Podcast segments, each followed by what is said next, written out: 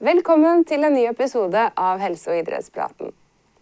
Jeg heter Silje Grimsli og jobber som rådgiver på Fakultet for helse- og idrettsvitenskap. Og i samarbeid med EVU og UiA Alumni så produserer vi da denne podkasten og digitale fagpraten, eh, som sendes hver første torsdag hver måned. Eh, UiA Alumni eh, har vi oppretta for tidligere studenter, fordi vi ønsker å holde kontakt med, med dere, og vi ønsker å legge til rette for at tidligere studenter kan holde kontakt med hverandre. Og også egentlig at nåværende studenter kan få kontakt med tidligere studenter. Og framover nå som vi endelig får lov til å se hverandre igjen, ønsker vi å arrangere flere både sosiale og faglige arrangementer. Enn så lenge er dette eh, noe av det vi gjør for å holde kontakt med dere. Og vi håper at, eh, at dere setter pris på det.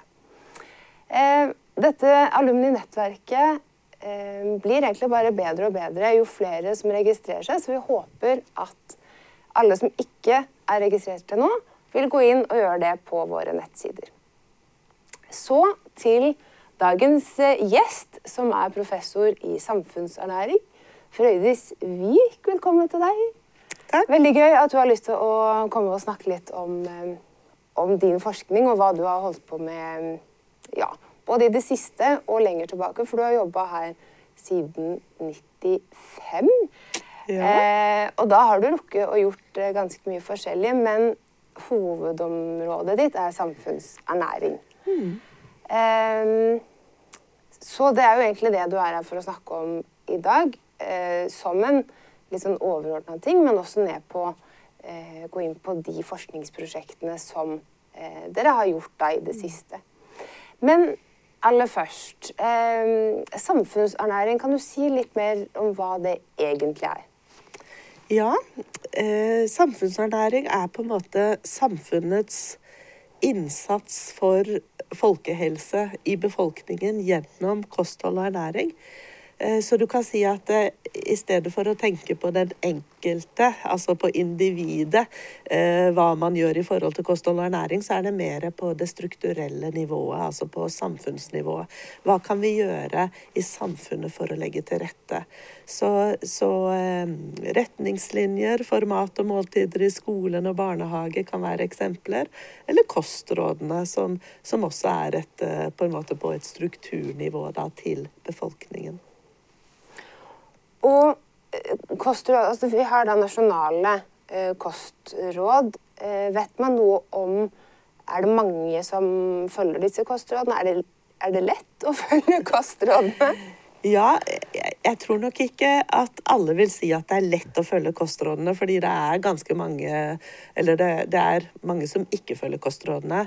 Så de undersøkelsene vi har, sier nok at det er eh, mindre enn 10% av befolkningen som, som følger kostrådene. Men så, så, kan du jo si, ikke sant Jeg følger de ganske bra. Eh, altså, sant. Det er jo det, det, er jo eh, varianter av å følge kostrådene. Ja. Eh, enten så, så, klarer du å, å, å, liksom ta hoveddelen av, av det som, eh, som er eh, budskapet i kostrådene, eller så Ja.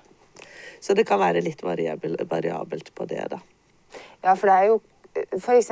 fisk kan man spise gjerne tre ganger i uka, eller noe sånt? Ja, det, det er jo For eksempel, og så klarer man kanskje det eh, to av fire uker, da, eller altså, mm. Så noen er liksom altså, mm. Punkt og prikke er vel kanskje vanskelig, men innenfor en sånn hvis ja. følger nesten, er kanskje ja. litt flere. Ja da, og det, det som er viktig med, med, kostrådene, er jo Eller det som er viktig med kostholdet vårt, er jo at man har et eh, sånn eh, ganske bra kosthold over tid. Det er jo ikke liksom hva du spiser eh, den uka eller den dagen. Det er jo på en måte hvordan du ser dette her i en helhet over tid. Så, men det å, å, å få i seg noen fiskemiddager, og eventuelt eh, så finnes det jo fiskepålegg man kan ha på på skiva. ikke sant? Så, så det, er, det, er, flere måter å, å, å, å f.eks. kunne øke litt inntaket av fisk. da. Men, eh, og så er det jo dette med, med frukt og grønnsaker, som vi generelt eh, i befolkningen er litt for dårlige til. Eh, så det er vanskelig Jeg tror det vil jeg tro mange syns er litt vanskelig å, å kunne klare å spise fem om dagen. Altså ca. tre grønnsaker og to frukt. Altså, ikke sant? Det, det, er ikke så lett å få det til hver dag, så, så, men det er jo det som er anbefalingen. da. Mm. Ja, det er helt sant. Men når man ser på det da i et samfunnsperspektiv, mm. eh, så kan man vel også si at det har noe å si for egentlig samfunnsøkonomien, hvordan befolkningen spiser. Mm. Kunne du sagt noe om, om, det? Ja, altså Helsedirektoratet gjorde noen beregninger, altså sånn samfunnsøkonomiske beregninger som, eh, som man kan gjøre, eh, hvor man fant ut at hvis hvis befolkningen i Norge fulgte kostrådene, så ville samfunnet spare 154 eh, milliarder per år. Og det er jo enorme summer. Og det er jo ikke det det, det er ikke sånn at vi får de pengene hvis vi spist, hvis vi hadde fulgt kostrådene, men det sier noe om, eh, sier noe om eh, de økonomiske konsekvensene av at vi eh, at vi har store utfordringer innen kosthold når det gjelder eh, helse. Mm. Så vi, vi, eh, vi, som befolkning så har vi mye å tjene på hvis, eh, hvis, noen flere klarer å følge kostrådene i noe større grad. Så selv om man ikke 100% følger alle kostrådene hver dag, så, så, ville, man, eh, så ville, man, som samfunn eh, ha mye å tjene på å liksom flytte, flytte det litt i riktig retning det er jo ganske utrolig å tenke på at det har så mye å si. Og det har jo mye å si for enkeltpersoner, eh, selvfølgelig også, men da også for eh, samfunnet. For det, det, handler jo om at kostholdet vi har, eh, har betydning for helsa, og det er de helseutfordringene da, som koster eh, så mye. For eh, Men altså, hvordan Altså, hvilken betydning har da eh, kostholdet for helsa vår?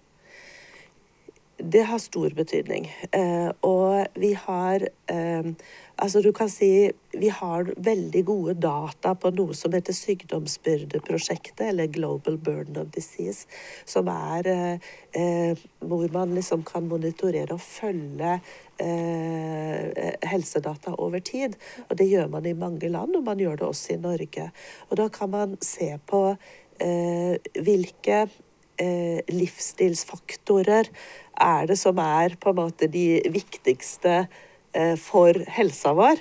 Eh, og livsstilsfaktorer er jo ting du kan gjøre noe med, sånn som på en måte eh, genetikk og kjønn og sånn. Det er jo eh, mer fastlagte ting, mens, mens eh, livsstilsfaktorer kan man jo endre på. Og da er det sånn at det, på en måte den risikofaktoren nå som er, eh, som er nummer én for det som gjelder eh, både sykelighet og dødelighet eh, etter 70 år, det er røyking. Eh, så røyking er fremdeles nummer én. Men du kan si at den eh, håper å si, det med røyking er kanskje den mest suksessrike folkehelseendringen som har skjedd i Norge.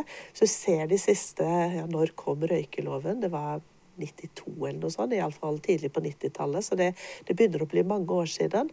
Eh, og det som, eh, det som har skjedd med eh, røykevanene til nordmenn, er jo Eh, helt fantastisk. Det er mange færre som røyker nå. Mm. Eh, det lå lenge på, på 10-11 nå De siste tallene nå er under det.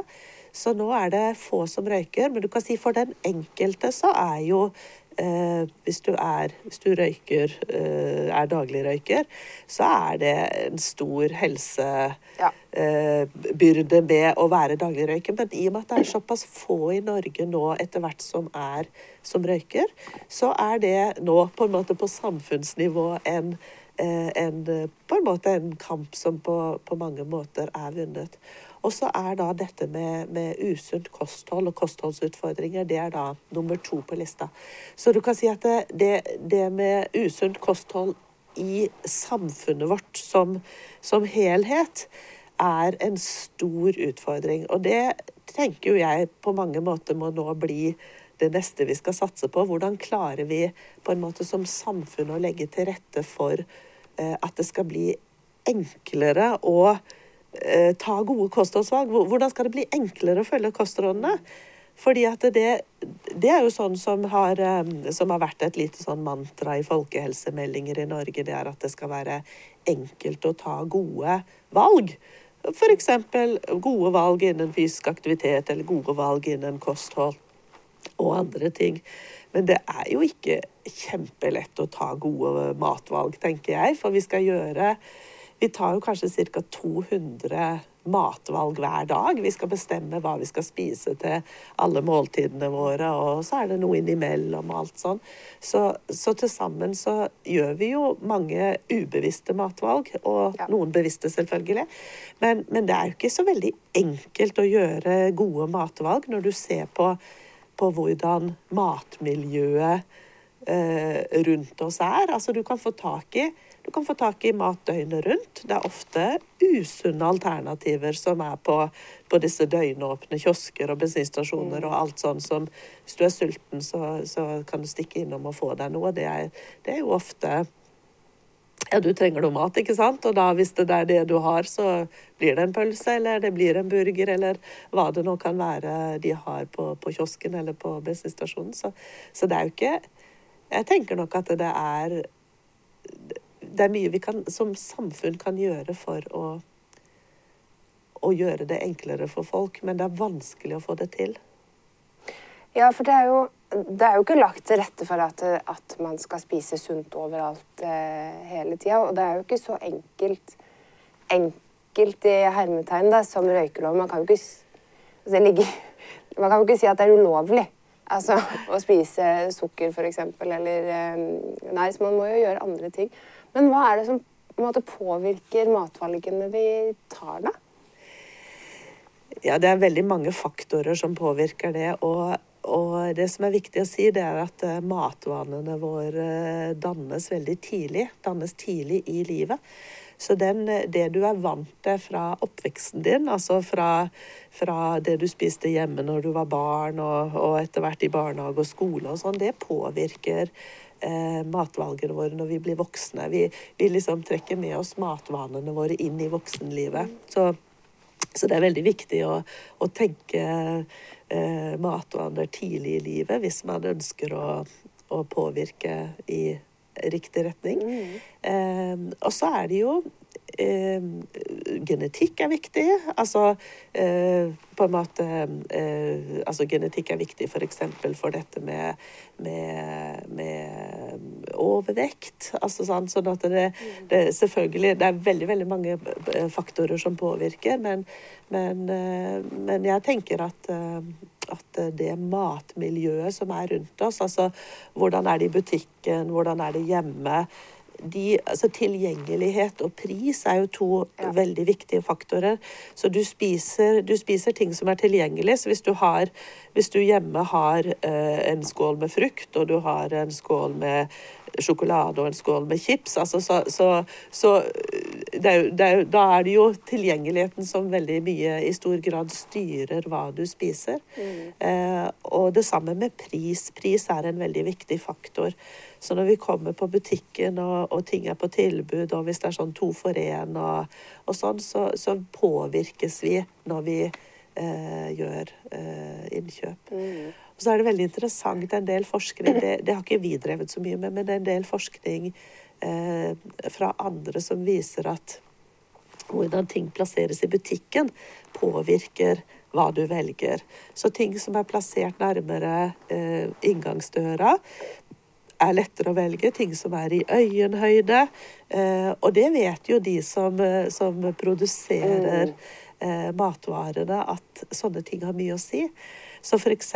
da sånn frokostblandinger til barn er ofte plassert i, i øyenhøyde for barn, og ikke for oss. ikke sant? Så, så sånne ting påvirker også eh, de matvalgene vi gjør. Så liksom får meg den butikken jeg vanligvis handler i, der kommer man først til brus. Ja. Av grunn, men eh, ja. ja. Det er sikkert en mening med det. Ja, og det som jeg tenker også er interessant, det er jo eh, brusstørrelse, ikke sant? Sånn at eh, når, når, når, jeg var barn, og nå er jo du yngre enn meg, men, men ikke sant det, nå er det jo veldig vanlig med disse store halvannenliters brus. Eh, og man kjøper inn gjerne sånn fire pakk av det, ikke sant. Mens, mens, før så var det mindre flasker. Og det var jo, nå er det jo sånn kuriositet, men, men det fantes jo sånn 0,2 eh, desiliters brusflasker. Altså sånn cola på 0,2. Og det er klart at det, også, det med porsjonsstørrelse, det er ganske interessant. Eh, fordi at porsjonsstørrelse har jo mye med Altså det har mye med, med på en måte det totale kostholdet mm. vårt. Hvis du, hvis du, er vant til å spire store porsjoner, så, så, vil man jo gjerne ha det og tenker at man må ha det for å bli mett. Men, men det er jo også en veldig vanesak om man skal ja. liksom spise seg mett, eller om man skal spise litt mer enn man er mett. Så, mm. så det er men, men, eh, Og hvis du handler på på, ja, kanskje på fastfood-restauranter og sånn, så, så, er det ganske vanlig at du blir spurt om du vil ha ekstra stor drikke eller ekstra eh, pommes frites. Altså det er sånne type ting da, som kan påvirke hvordan en sjøl tar valg. Det betyr jo at det er, det er jo veldig komplekst. Det er, og det er jo det som gjør det vanskelig også å, å gjøre endringer som faktisk viser eh, endring i befolkningen eh, mm. generelt. Da. Og det er jo mye, og det er jo politisk også, fordi det er jo dette med sukkeravgift og ikke sukkeravgift og mm. eh, Ja. Så det er jo på en måte Det er et stort område. Men, men det du har forska mye på, er jo skolemat. Mm. Eh, litt mer sånn konkret. Eh, og knytta da til skoleprestasjoner. Mm. Eh, husker jeg ikke prosjektet hva det het, men kan du si litt mer om For det er liksom noe med å dra det ned til hva, hvilke tiltak kan man gjøre, og hva funker, og hva, hva, vet vi om det? Mm. Ja, eh, i, i, forskningssenteret vårt så er vi veldig opptatt av, av uh, matvaner og kostholdsvaner blant barn og unge, så vi har, uh, er, jobber mest med det. Mm. og du kan si de store folkehelsearenaene, hvis du skal gjøre noe med kosthold, så, så er det veldig vanskelig sånn én-til-én-råd. sånn Mm. Fordi, så, så, så, det med å jobbe med samfunnsernæring handler om å se på, på store arenaer hvor mange er. Eh, og, og da er jo f.eks. barnehage og skole, og skole spesielt har jeg jobba mest med, eh, er jo viktige arenaer. Og en elev, en elev ifra, som begynner i første klasse og som går ut tiende klasse, har spist ca. Hvis, eh, hvis, den eleven er på skolen eh, hver dag, eh, som er skoledager, så har den eleven spist ca. 1900 måltider i løpet av sin skolegang.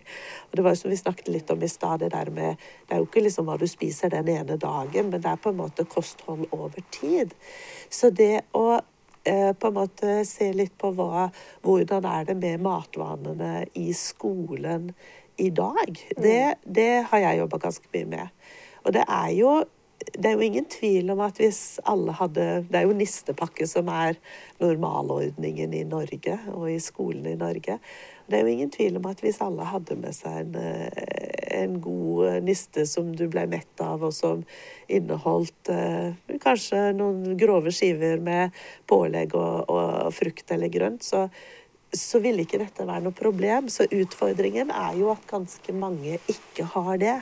Enten at man ikke har med seg matpakke, eller at man har med seg på en måte et usunt alternativ, da. Mm. Det er nudler eller muffins eller ja, en bolle eller hva det er. Uh, og så ser vi også at ungdomsskoleelever i mindre grad har med seg niste enn barneskoleelever. Og at man da gjerne går på butikken kanskje og kjøper noe eller og sånn. Og da er det jo ganske ofte at det blir et mer usunt alternativ hvis man stikker bort på matbutikken for å kjøpe noe i store friminuttet. Mm. Så vi, vi um, har et prosjekt nå, det er, det er, noen år tilbake nå, det var i skoleåret 2014 til 2015 hvor det var en, en skole i Agder som um, Eh, hvor liksom ett trinn, da tre sjetteklasser, fikk, eh, fikk et gratis skolemåltid et helt år. Eh, og det at det kunne vare såpass mye som et helt år, var litt viktig for å kunne følge, følge resultatene over tid. Da. Mm. Og så hadde vi kontrollgruppe som vi kunne sammenligne med. Og kontrollgruppa, der hadde de jo med seg nistepakke som vanlig. og så sammenligna vi disse gruppene, og da så vi at Eh, ja, men kanskje nevne at de fikk Det var en sånn smørelunsj, da, så det var grovt brød, og så var det sunt pålegg ifølge kostrådene, og så var det frukt og grønnsaker da, hver dag ja. som de fikk. Og det var ikke noe sånn ekstra på fredager eller noe sånt. Det var det var det, det var i ukedagene, da. Mm. Og så spiste de jo det de ville utenom i hjemme eller i helgene og sånn.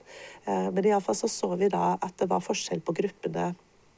Den skolematgruppa eh, de bedra matvanene sine eh, på skolen da i forhold til kontrollgruppa.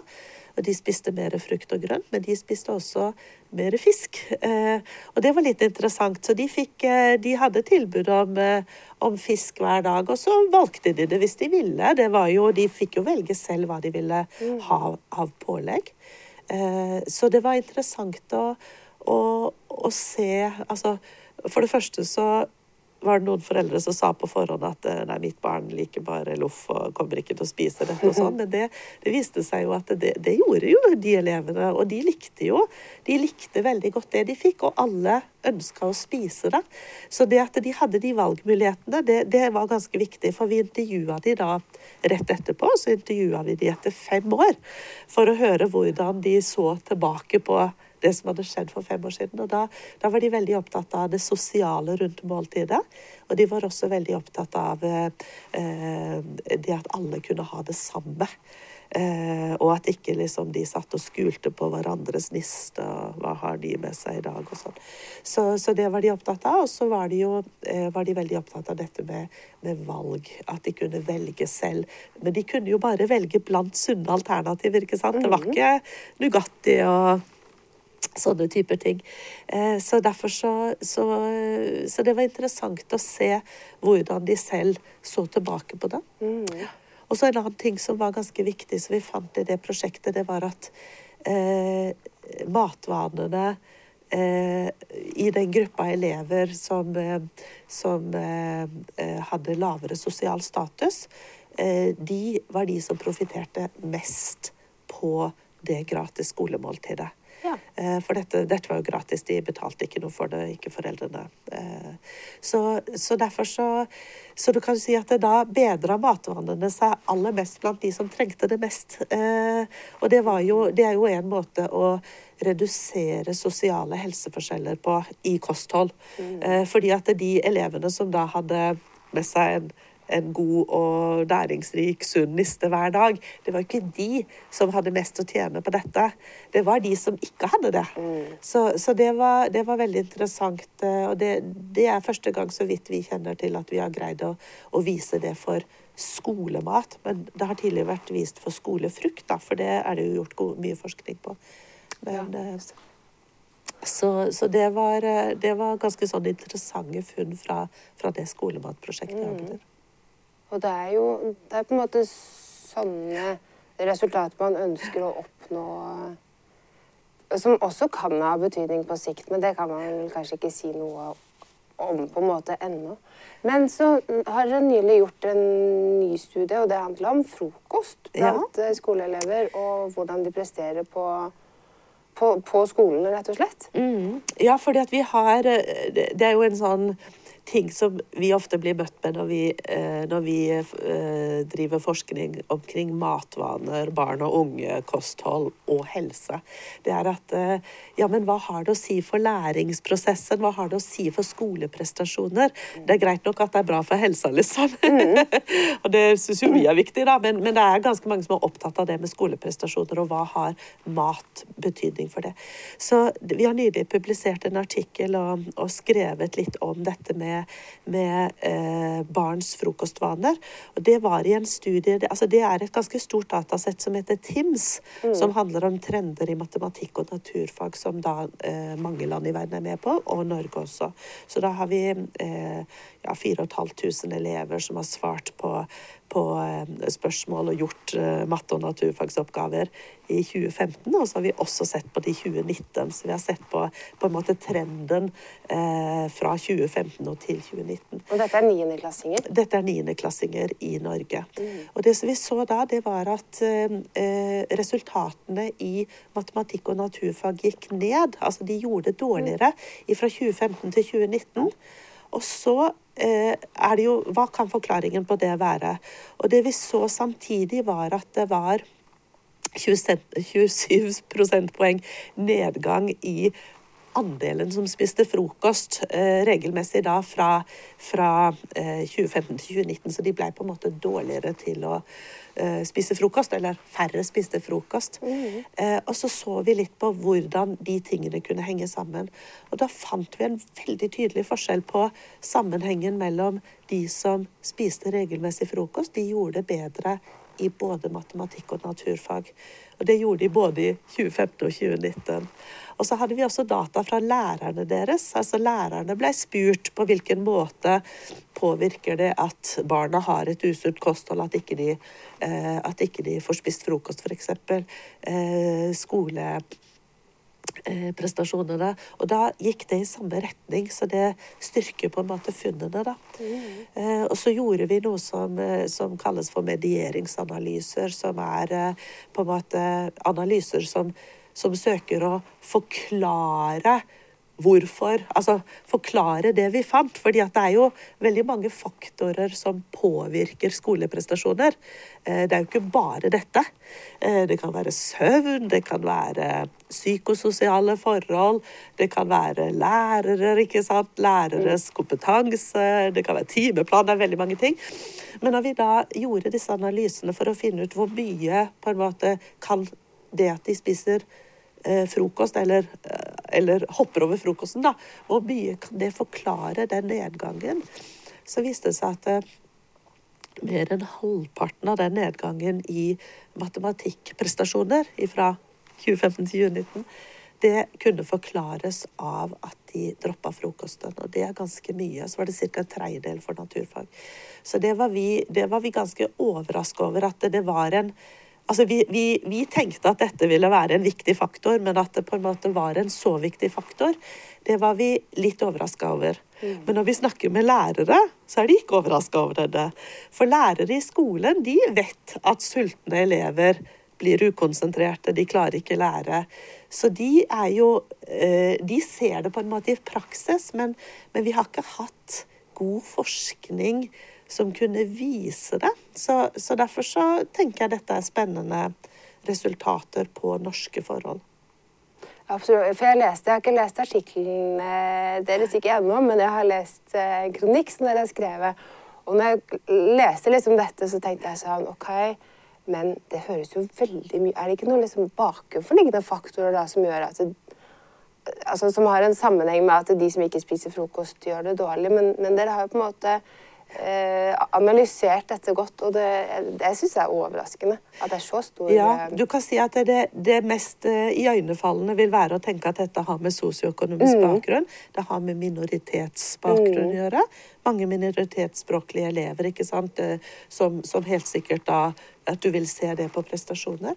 Men vi har kontrollert for de faktorene ja. for å kunne liksom plukke ut hvor mye frokost forklarer. Ja. Eh, så det er det som er litt spesielt med sånne type analyser. Så det gjorde at funnene på en måte blir styrka, da. Mm. Fordi at hvis du ikke hadde gjort det, så ville en bare kunne si at ja, men, men dette, dette, har med sosioøkonomiske bakgrunnsvariabler liksom min, å eh, gjøre. Det, det, må være forklaringen, liksom. Ja. Men det er det da ikke. Nei, det syns jeg var veldig, veldig interessant, syns jeg. Mm. For det, ja, det var min eh, hva skal jeg si, mine fordommer eh, liksom gjorde at jeg tenkte at det hadde mye med sosioøkonomiske forhold blant annet, da, å gjøre. Mm. Men det syns jeg var eh, veldig interessant. Og så kan, kan en jo tenke seg at hvis du da er foreldre til noen niendeklassinger som ikke har lyst til å spise frokost, som bare liksom mer eller mindre går på hodet ut døra på morgenen og har dårlig tid på skolen, så er det jo det er ikke alltid så lett for foreldre heller.